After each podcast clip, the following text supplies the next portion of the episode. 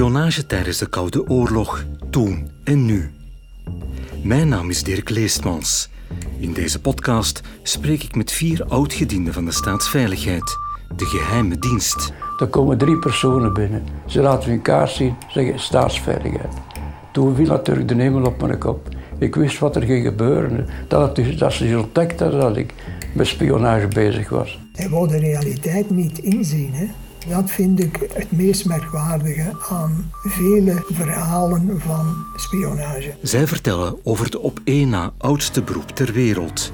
50 jaar geleden en nu. Trouwens, door de eeuwen heen zijn er altijd inlichtingendiensten geweest. Je hebt eigenlijk het op één na oudste beroep ter wereld voortdurend uitgeoefend. Ja, ja, inderdaad. Inderdaad. Misschien hebben we het tegelijk gedaan, ik weet niet. Spionage.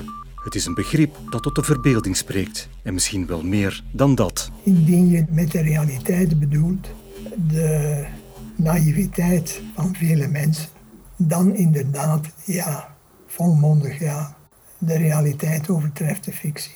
En die realiteit lijkt met de oorlog in Oekraïne weer helemaal terug van misschien wel nooit weg geweest. Wij realiseren ons allemaal dat uh, Poetin uit dat milieu komt. En u moet weten dat de frustratie van de inlichtingenofficieren, leden van de KGB, die moet enorm geweest zijn.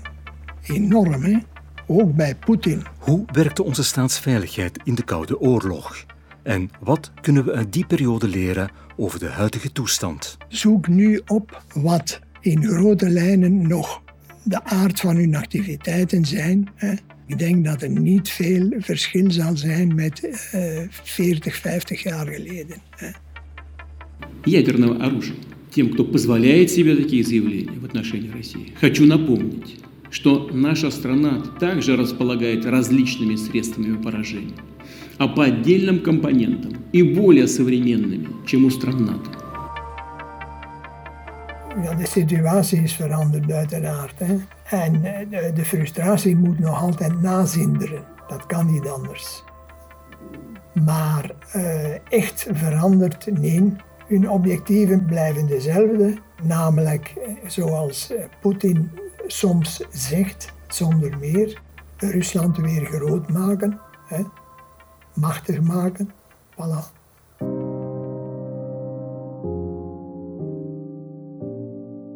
In de vorige aflevering vertellen de contraspionnen hoe ze de regie voerden over een dubbelagent. Maar dat lukte lang niet altijd. Zo is er het onwaarschijnlijke verhaal van Eugène Michiels, een topambtenaar van het ministerie van Buitenlandse Zaken, die gerecruiteerd werd door Oost-Europese inlichtingendiensten. Ik heb er geen van. Omdat ik een schone tijd heb gehad. Ik heb u al gezegd, de schoonste tijd van mijn leven waren die drie jaar dat ik gespioneerd heb voor de Rus en voor de Roemeen. De staatsveiligheid had dat lange tijd niet door. Tot, zoals zij het zelf zeggen, een gebraden kip in hun mond kwam gevlogen. Een overloper die zijn boekje opendoet. Die man eh, komt dan eh, in je handen, hè? Die, die, die, die valt als een gebakken kip in je bord. Hè?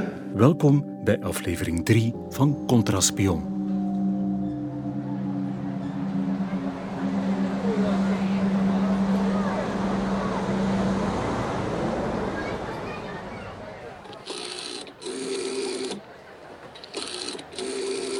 Het is 20 juni 1983.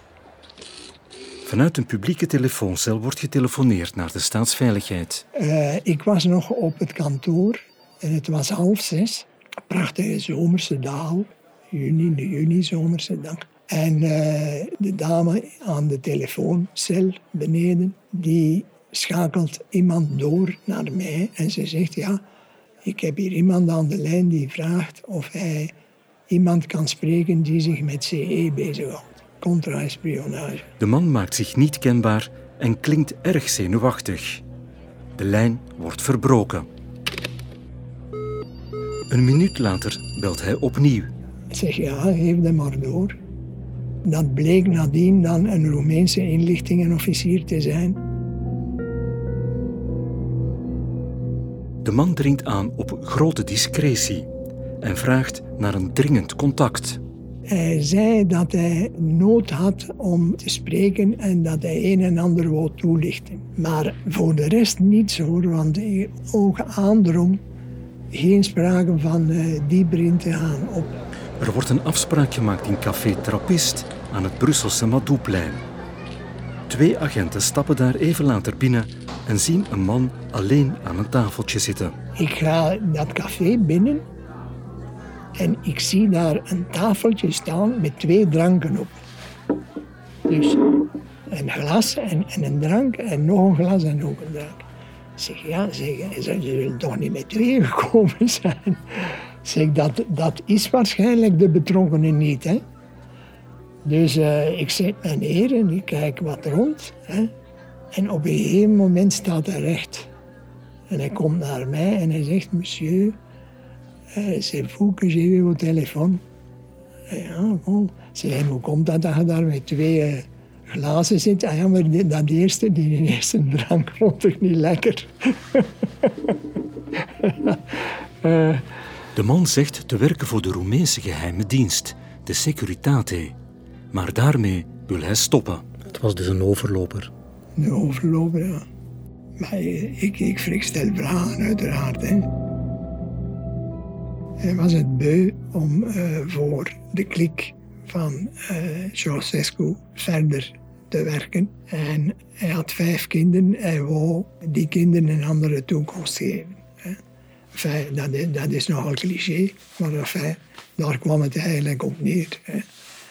Ja, ik zeg, we zullen het nodige doen, hè, maar, maar, u moet toch een beetje uh, mededeelzaam zijn. Hè. Dan heeft hij mij toch één of twee zaken zo aangebracht om te zeggen, kijk, als u zekerheid wil dat ik, dat ik wel degelijk een inlichtingenofficier was, De man zijn naam is Johan Kovacci. En uh, wat dat uh, met die man zeer speciaal was. Dus hij was toen eerste secretaris. En zijn opleiding in de diensten is gebeurd na zijn uren. Die man heeft diplomatieke academie gevolgd met straight diplomaten, dus met carrière diplomaten. En dan is hij uitgekozen geweest om s'avonds gedurende de vier jaar getraind te worden door de inlichtingendienst. Zowel in het recruteren, manipuleren, overbrengen van inlichtingen enzovoort en zo verder. En daar was die man zeer speciaal in. Omdat in zijn eigen ambassade niemand op de hoogte was van zijn reële taken, van zijn reële opleiding, waarvoor dat hij naar hier kwam. Johan Kovacci wil, in ruil voor bekentenissen, politiek asiel voor hem en zijn gezin. Binnen hebben we toen op uh, minimum van tijd alles moeten organiseren om uh, die man op, met zijn familie op te vangen enzovoort en zo verder. Ja, dan komt de, de tijd van het debriefen. Debriefing is eigenlijk synoniem voor verhoor. Grondig verhoor. Want, zo gaat dat bij overlopers, ze moeten alles vertellen wat ze weten. We zeiden het al, in de wereld van geheime diensten is niets wat het lijkt. De staatsveiligheid wil absolute zekerheid over de ware rol van de man. Uh, wat gaan we doen? Is het een walk-in? Is het iemand die komt om ons hier uh, met al hetgeen uh, dat, dat, waar is, maar gaat die ons hier intoxiceren? volledig met weet ik wat? Of is het iemand die dat doet uit overtuiging of met een overtuiging op dat ogenblik. Hoe probeert u dat in te schatten? Ja, eerst en vooral, het begin is natuurlijk in het debriefen wat dat die man nu te vertellen heeft. De collega die had dan lijsten mee met foto's van alle bedienden en ambassadeleden van Brussel. En hij zei dan, kijk, hier kan u mij zeggen wie dat zijn, of u die kent, of die activiteiten in de sfeer van het inlichtingenwerk aan de dag leggen. Daar, daar kwam die debriefing op neer. Ja. U wou eigenlijk alles uit de man krijgen wat hij kon vertellen. Ja, ja, ja.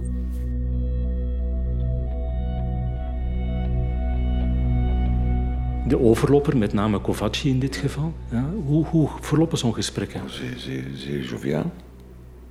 Zeer joviaal. Ja, niet vergeten dat die man...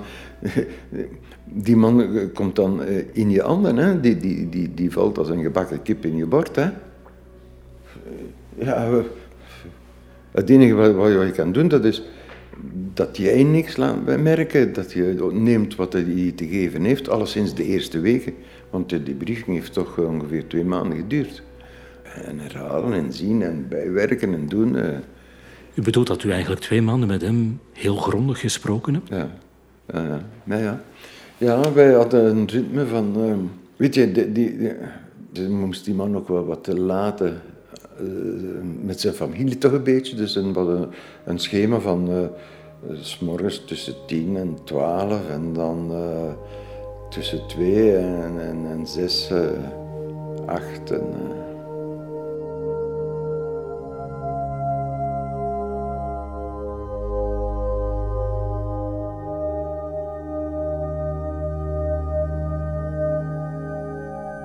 De overloper gaf bijzonder veel informatie en daarvoor werd hij ook beloond. Wat kon u hem bieden? Oh, we hebben hem eh, geëxfiltreerd, ja. Naar een ander land? Ja. Waar hij nu leeft onder een andere identiteit? Ja, ja. ja, Gebeurde dat vaak, zo'n exfiltratie? Niet zo vaak, nee. Nee, nee. Nee, want uh, daar was ook een groot interesse in, die man, uh, gezien, ik, zoals ik je zei, door zijn opleiding voor uh, ook grotere diensten dan de onze.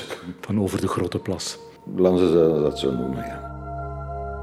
Wel, in de wereld van de spionage gebeurt dat wel regelmatig. Want ikzelf heb een klein dozijn overlopers gedebriefd, wat België betreft. Hè.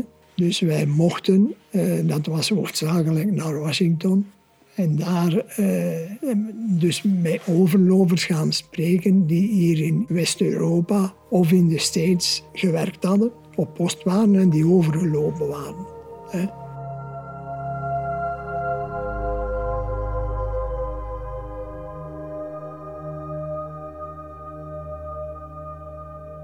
Johan Kovaci, de overloper, vertelde veel. Een van zijn bronnen, of zeg maar zijn spionnen, was een hooggeplaatst ambtenaar op het ministerie van Buitenlandse Zaken. Op een bepaald moment laat hij dan de naam vallen van Eugène Michiels. Ja. Wat hebt u met die informatie gedaan? Ja, eerst en vooral controleren, hè, zoals ik gezegd, onderzoeken doen en dan ja. Eh, weet je, je valt ook niet het bureau van een directeur van Buitenlandse Zaken binnen, val je niet binnen zoals uh, een deur van een café. Hè. Dus naar alle mogelijke, ik zou zeggen, politieke en ministeriële voorzichtigheid. En dan meneer Michiels gaan ophalen. Hebt u ook met hem gesproken? Ja. Welke indruk gaf hij u? Van uh, een brave, joviale Limburger, laat het zeggen. Normaal mens. Zeer normaal mens, ja.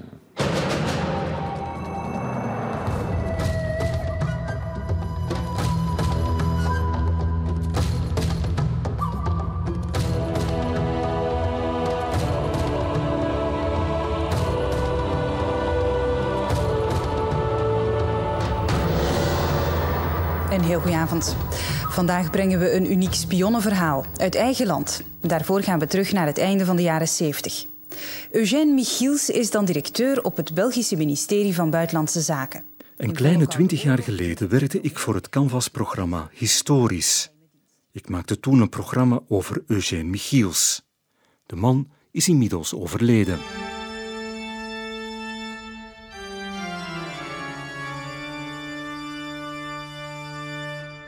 Kwam hem op het spoor via de Sint-Catharina-kerk in Hasselt. Eugène Michiels was op dat moment al gepensioneerd en speelde er op het orgel. Hoewel hij toch ernstige strafbare feiten pleegde en daarvoor ook in de gevangenis zat, had hij geen enkele moeite om vrijuit te praten over zijn spionageactiviteiten. Hij herinnert zich perfect de dag dat hij Johan Kovaci ontmoette. Dat was een heel aangename mens met wie ik heel goed over de baan kon. We zijn trouwens vriend van elkaar geworden. Het is eigenlijk de beste vriend die ik ooit gehad heb. Maar de zogezegde beste vriend had wel onmiddellijk door wat de zwakke plek was van Eugène Michiels. In de debriefing staat daarover te lezen. Ik denk dat deze man verlekkerd is op geld, hoewel hij het eigenlijk niet nodig heeft. Om de drie of vier weken kwam hij bij mij en dan gingen we samen naar een restaurant, dan, dan een keer hier en dan een keer daar. En daar werd er gebabbeld over koetjes en kalfjes, maar vooral over de EEG. Tijdens een van de etentjes krijgt Michiels een enveloppe. Het was een enveloppe met inhoud. Thuisgekomen ziet hij dat er geld in zit ter waarde van 30.000 Belgische frank, omgerekend zo'n 750 euro. Ik wist niet waarom hij mij dat gegeven had. En toen ik hem de volgende keer terugzag, had ik die envelop bij met het geld erin. Ik zeg, Johan, zeg ik, waarom geeft u me geld? Hij zegt, cher monsieur Eugène, zegt hij, c'est par sympathie que je vous le donne. Ja, en uh, hij, hij, hij wou dat niet terugnemen dan ben ik wel verplicht van het aan te nemen, met mee naar huis te nemen. Ik kan het toch moeilijk op de tafel laten liggen als drinkgeld voor de kelder.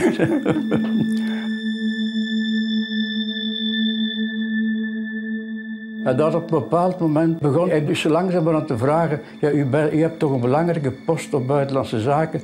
Kunt u dat soms niet aan confidentiële papieren geraken? Dus vertrouwelijke papieren die dus bestemd zijn voor, voor, de, voor de dienst, maar niet voor een buitenstaander.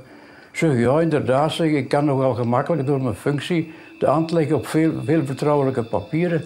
En als ik u daar plezier kan mee doen, zeg, dan zal ik dat nu, zal ik dat nu en dan ook, ook wel eens doen. En dat heb ik ook gedaan. Ik wist natuurlijk wel dat, dat het een, een onzuivere situatie was. Maar ja, ik, ik was misschien wat uh, aangetrokken door het geld dat hij me gegeven had. En ja, ik was zo'n beetje langzamerhand op, op een verkeerde pad aan het geraken. En had u dat zelf niet door? Ja, ik had het eigenlijk wel door, ja. Ik had het eigenlijk wel door. Maar ja, het was een, een spannende situatie. Enfin, ik, ik heb gewoon dus die situatie aanvaard. De Roemeense geheime dienst is bijzonder opgetogen over Eugène Michiels. In een rapport van de Securitate, de Roemeense geheime dienst, staat te lezen dat ze hem beschouwen als een van hun belangrijkste bronnen. Ze trachten uit hem te halen wat er uit hem te halen valt en gaan daarbij systematisch een stapje verder. Hij heeft gezegd dus, ik heb me nu al verschillende keren confidentiële papieren gegeven, maar dat zal van nu af aan veranderen. Ik heb hier voor u een serviet meegebracht, een schone bruine leden serviet met een ritsluiting aan de linkerkant, een ritsluiting aan de rechterkant, met een mooi leren uh, handvat met aan de binnenkant verschillende vakjes. Die serviet gaat namelijk dubbele dienst doen. Bij u dient ze om er documenten in te steken in het Frans. En bij de Roemeen die u gaat ontmoeten, zal er geld in gestoken worden. Als u die Roemeen ontmoet, dan moet u gewoon de servietten wisselen.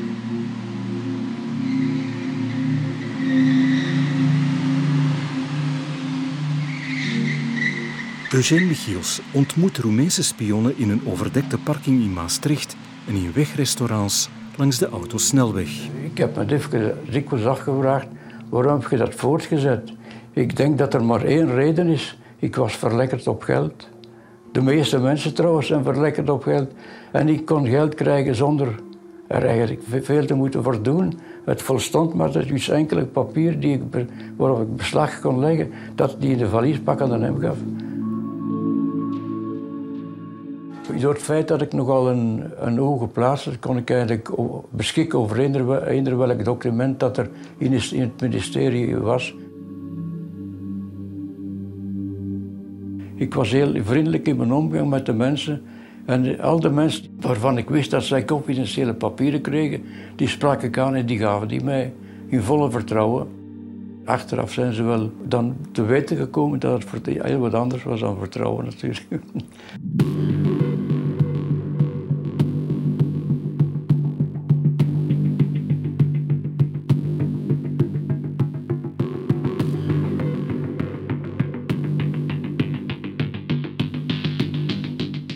Michiels verlegt voortdurend zijn grenzen, ook letterlijk. Hij reist naar Kopenhagen om daar documenten af te geven op de Roemeense ambassade. Ik ben er gaan aanbellen en ik hoorde op dat moment heel harde radiomuziek. De persoon die kwam open doen. Dat was een man. Die bracht me binnen in een bureel waarvan hij alle deuren sloot. En ik had dus de, de serviet bij, en ja, zijn serviet, dat was het klassieke scenario. De servietten werden van eigenaar verwisseld. Het was een vreemde ontmoeting. Er werd geen woord gewisseld. Er werd enkel gecommuniceerd met korte boodschappen op papier. En het laatste berichtje was: voortaan moet je verschillende keren naar Kopenhagen komen, maar niet meer hier. Johan Kovacs zal je zeggen op welke plaats u in het vervolg mij, mijzelf zult ontmoeten, maar niet meer in, uh, op, de, op de ambassade zelf. Maar hij sprak dus niet met u? Hij gaf wel papiertjes? Hij gaf wel papiertjes, maar hij heeft geen woord gesproken. En ik ook niet. Ik heb gewoon dus geknikt met mijn, mijn hoofd als het nee of als het ja was. En verder is, is er is dus helemaal geen, geen, uh, geen woord gesproken. Vond u het spannend? Inderdaad, ja. En het werd nog spannender en spannender.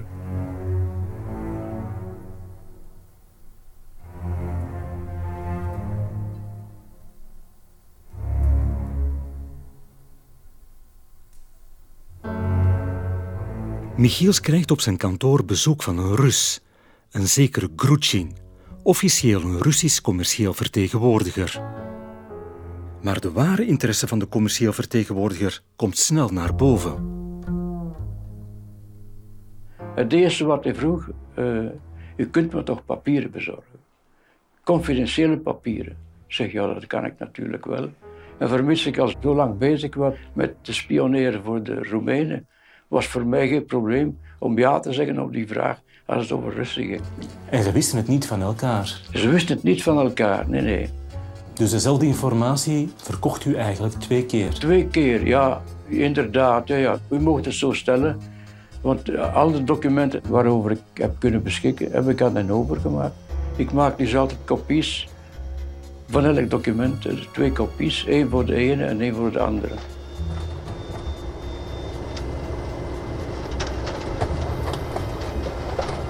Na ongeveer een vier of vijftal malen een contact hebben gehad met Groetschin, heeft hij me gezegd, nu gaan we van tactiek veranderen.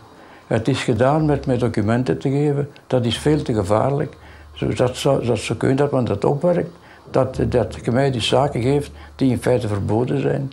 Vanaf vandaag gaan we werken met microfilm. Ik zal u een film geven, dat is een speciaal film, daar kunt u 125 documenten mee fotograferen. Hij gaf me ook dus een, een, een fotoapparaat. Helaas, Michiels is niet van de handigste en het lukt hem niet met het fototoestel te werken. Hij gaat naar de eerste, de beste fotozaak. Ik zeg, kunt je me een andere film bezorgen, want die gaat niet. Inderdaad heeft ze het dan gedaan en dus de film die ik hem gaf, heeft hij in de vuilbak gegooid. Het werd hem niet bepaald in dank afgenomen door zijn opdrachtgevers. Wat zegt hem? Heb jij die film die ik u gegeven had, gaan weggeven in en de fotograaf die hem in de vuilbak heeft gegooid? Hij zei, we beginnen te ondervragen. En hoe is dat juist geweest? En waar was het en wanneer en om welk uur? Eh, ik zeg, ja, ik heb die film gaan afgeven, ik heb een andere gekregen. Zeg, je gaat me moeten te goed informeren over de manier waarop het moest gebeuren. En hij gaf me dan een andere film natuurlijk. Hij was echt ont, ont, ont, ontdaan, ontdaan dat er zoiets gebeurd was. Maar het was een beetje zijn eigen schuld. Je had me moeten beter informeren natuurlijk. Hè.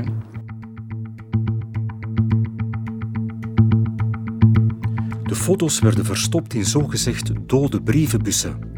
Dat is een plek, bijvoorbeeld onder de grond aan een boom, waar de post moest achtergelaten worden. Ik rijd samen met Eugène Michiels naar Vlaams-Brabant op zoek naar de dode brievenbus. Was het een bos of? Nee, dat was geen bos. Het was alleen maar struiken. Alleen maar struiken. Maar je zou hier kunnen stoppen en dan uh, wacht eens aan de... Die zit wel in glabberig. Daar misschien, aan die kant. Ja, ja. Als je kunt terugdraaien. Dat is hier heel, heel rustig gelegen. Hier komt, hier komt geen luis voorbij eigenlijk. Als je hier kunt stoppen. Ja, hier, hier, hier ergens is het geweest. We hadden een voorwerp bij, een klein schip. En daar hebben we een, opening mee gemaakt. En dus de, en dan achteraf de toe bedekt met een grassode. En hier zijn geloof ik ongeveer vier keer heb ik in de film in verstopt. En er was dus een afspraak hoe dat we moesten melden dat de film er was. Hier in die stad komt niemand natuurlijk gaan zoeken of er geen film zou steken. ja. En u bent ook nooit ontdekt door andere mensen? Nooit ontdekt, nee, dat niet. Daarbij, eh, als er iemand afkwam, dan zag je dat. En dan wachtte dat die persoon terug uit het zicht verdwenen was. Hè. En om duidelijk te maken dat er post was, was er een aparte afspraak. Als de film er lag, dan moest ik op een vrijdag rond twee uur op de linkerstoep van de Louiselaan gaan, wandelen. Hij zou dan aan de rechterkant zijn, zonder dat ik hem zag. En als hij me gezien had, dan wist hij dat de film er was en dat hij rustig naar Ginder kon gaan om de film te halen. Ondertussen was Johan Kovacci, de Roemeense spion waarover we het in het begin hadden, overgelopen naar het westen.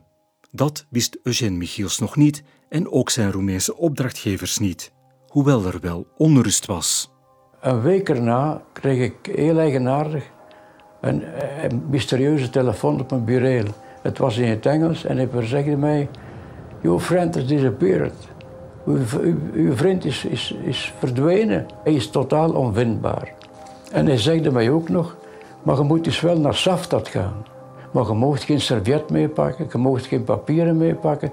Je, je zult alleen dus daar een ontmoeting hebben met die, die Johan Volucci, maar zonder papier erbij. Ze hadden ook een hotel gereserveerd, het hotel heette Kroatia. Ik ben met mijn vrouw daar uh, naartoe geweest. Die had gereserveerd voor een paar weken. En ik kreeg als opdracht van om de twee dagen te voet te gaan wandelen van het hotel Kroatia in de richting van Dubrovnik. En dan zou ik op een bepaald moment dus de, die andere Roemeen ontmoeten. Michiels krijgt te horen dat Kovacci en zijn gezin spoorloos verdwenen is. Hij wordt gewaarschuwd voor de mogelijke gevolgen en krijgt de raad alle sporen van zijn contacten met Kovacci te vernietigen. Dat kan zijn dat het slecht met u afloopt als je terug naar België gaat. Dat kan ook zijn dat het niet slecht afloopt.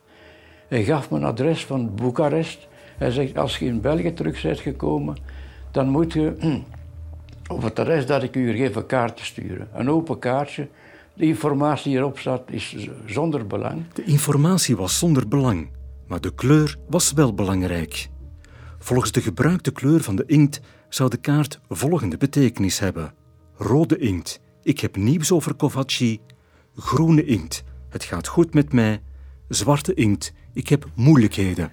Hij zegt, vermits dat je dus al zo goed voor ons bent geweest, en vermits de kans bestaat dat je in, in België problemen gaat krijgen, geef ik u bij 8000 dollar. Dat was een geweldige som natuurlijk, 8000 dollar. Ik heb die aangenomen. Hij heeft me terug met zijn taxi naar het Hotel Kroatia gevoerd en van mij afschoot genomen en gezegd: Van die scheiden onze wegen.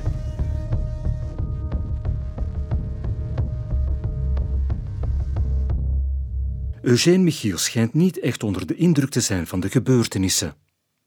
Hij blijft samen met zijn echtgenote nog een paar dagen in Kroatië. Zijn echtgenote is evenwel niet helemaal gerust. Mijn vrouw heeft tegen mij gezegd: Pas toch op wat dat je doet. Ik zeg: Waarom? zeg ik. Er kan toch niks gebeuren?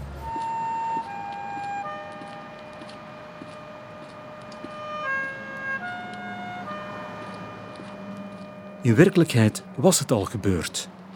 Eugène Michiels keert terug naar België en gaat maandags, zoals hij al bijna 30 jaar doet, naar kantoor. Dus op 8 augustus 83 ging ik dus naar Brussel.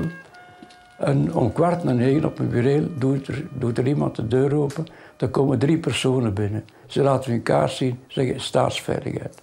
Toen viel natuurlijk de hemel op mijn kop. Ik wist wat er ging gebeuren. Dat, het, dus- dat ze ontdekt hadden dat ik met spionage bezig was. Ze hebben een zekere Frans Reniers opgebeld, die hoofdcommissaris was van de gerechtelijke politie in België. Die is mij beginnen te ondervragen. En ik voelde wel dat ik kon niks verstoppen. Ze wisten alles, van A tot Z.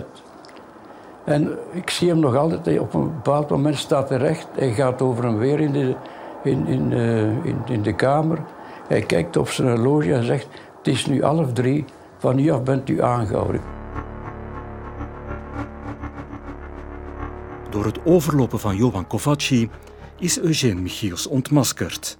Michiels voelt zich verraden. Ik heb die dus zes jaar gekend en dat was echt mijn beste vriend geworden.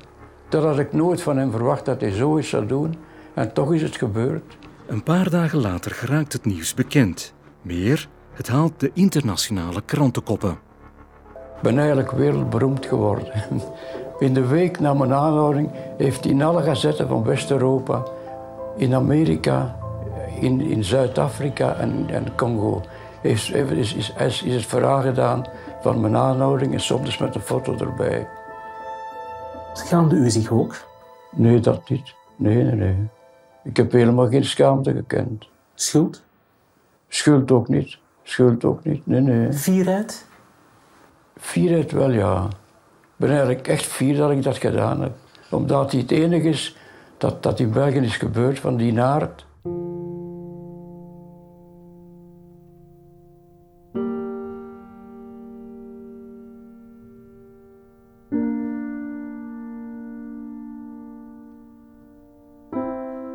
Eugène Michiels wordt veroordeeld tot acht jaar cel. Hij voelt zich gepakt. Ze hebben mij eigenlijk beet gehad. Hè. Vooral de, de Roemeen. De dag dat hij begonnen is met me geld te geven, toen ben ik op een glijdende baan geraakt, hè, die naar omlaag wees. En werd het moeilijker en moeilijker om stand te houden op die, op die glijbaan. Hè. En uiteindelijk bent u laag gevallen? Eigenlijk wel, ja. ja, ja. Gevangen en aanhouding, dat is inderdaad iets dat... ehm, dat, is dan nogal, het- dat, dat laag gevallen is. Iemand die dat heeft, die dat krijgt, die is inderdaad laag gevallen. hè. Eugène Michiels zegt van zichzelf dat zijn spionageactiviteiten absoluut niet politiek gemotiveerd waren. Eigenlijk niet. Nee, ik heb altijd gedacht in termen van, van handel. Van, van, van, co- van commerciële gegevens. Dus helemaal buiten de politiek. U wou gewoon geld verdienen. Ik wou gewoon geld. Ja, zo is het in feite. Dat is in deze zin gezegd het, waar, waar het om draaide. Ik wou geld verdienen. Ik denk dat ik naïef ben. Ik denk dat, dat dat het enige is dat je kunt verklaren dat ik naïef ben. Dat zal waarschijnlijk een van mijn slechte kwaliteiten zijn geweest. Naïviteit.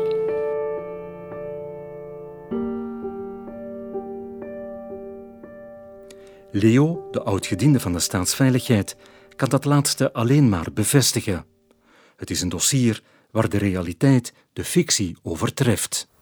Indien je de, eh, realiteit, met, de realiteit bedoelt, naïviteit van vele mensen, dan inderdaad, ja, volmondig, ja, de realiteit overtreft de fictie. Ja, ik denk dat je een beter voorbeeld, om het te illustreren, geen beter voorbeeld kunt hebben dan Michiels.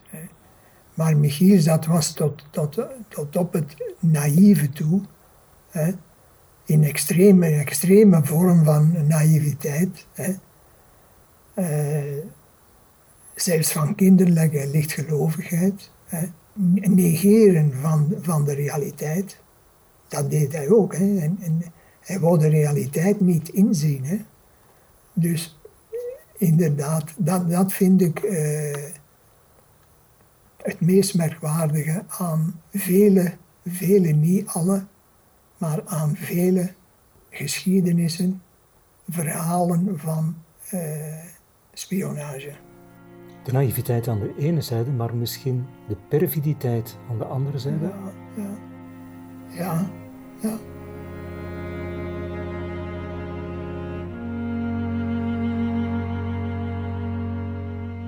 Eugène Michiels kreeg acht jaar gevangenisstraf. Hij zat drie jaar effectief. De laatste jaren van zijn leven verbleef hij in een rustoord.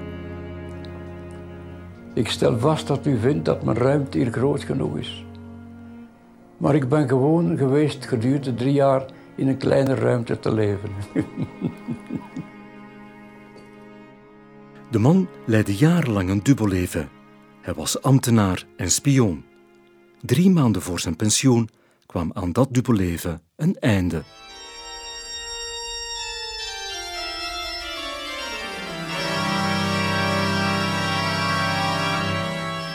Ik heb er moeten verboeten, maar ik heb er geen spijt van.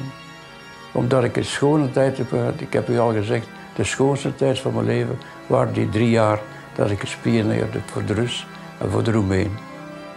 U luisterde naar de derde aflevering van Contraspion. In de volgende aflevering vertellen we u het verhaal van collega Stefan Blommaert. Een spion in wording. En hoe de techniek van verleiding ook letterlijk mag genomen worden. Collega's vertelden bijvoorbeeld over Leipzig ja, dat daar bijvoorbeeld ook wel vrouwen werden ingezet om mensen letterlijk te verleiden. Oh, oh ja, tuurlijk.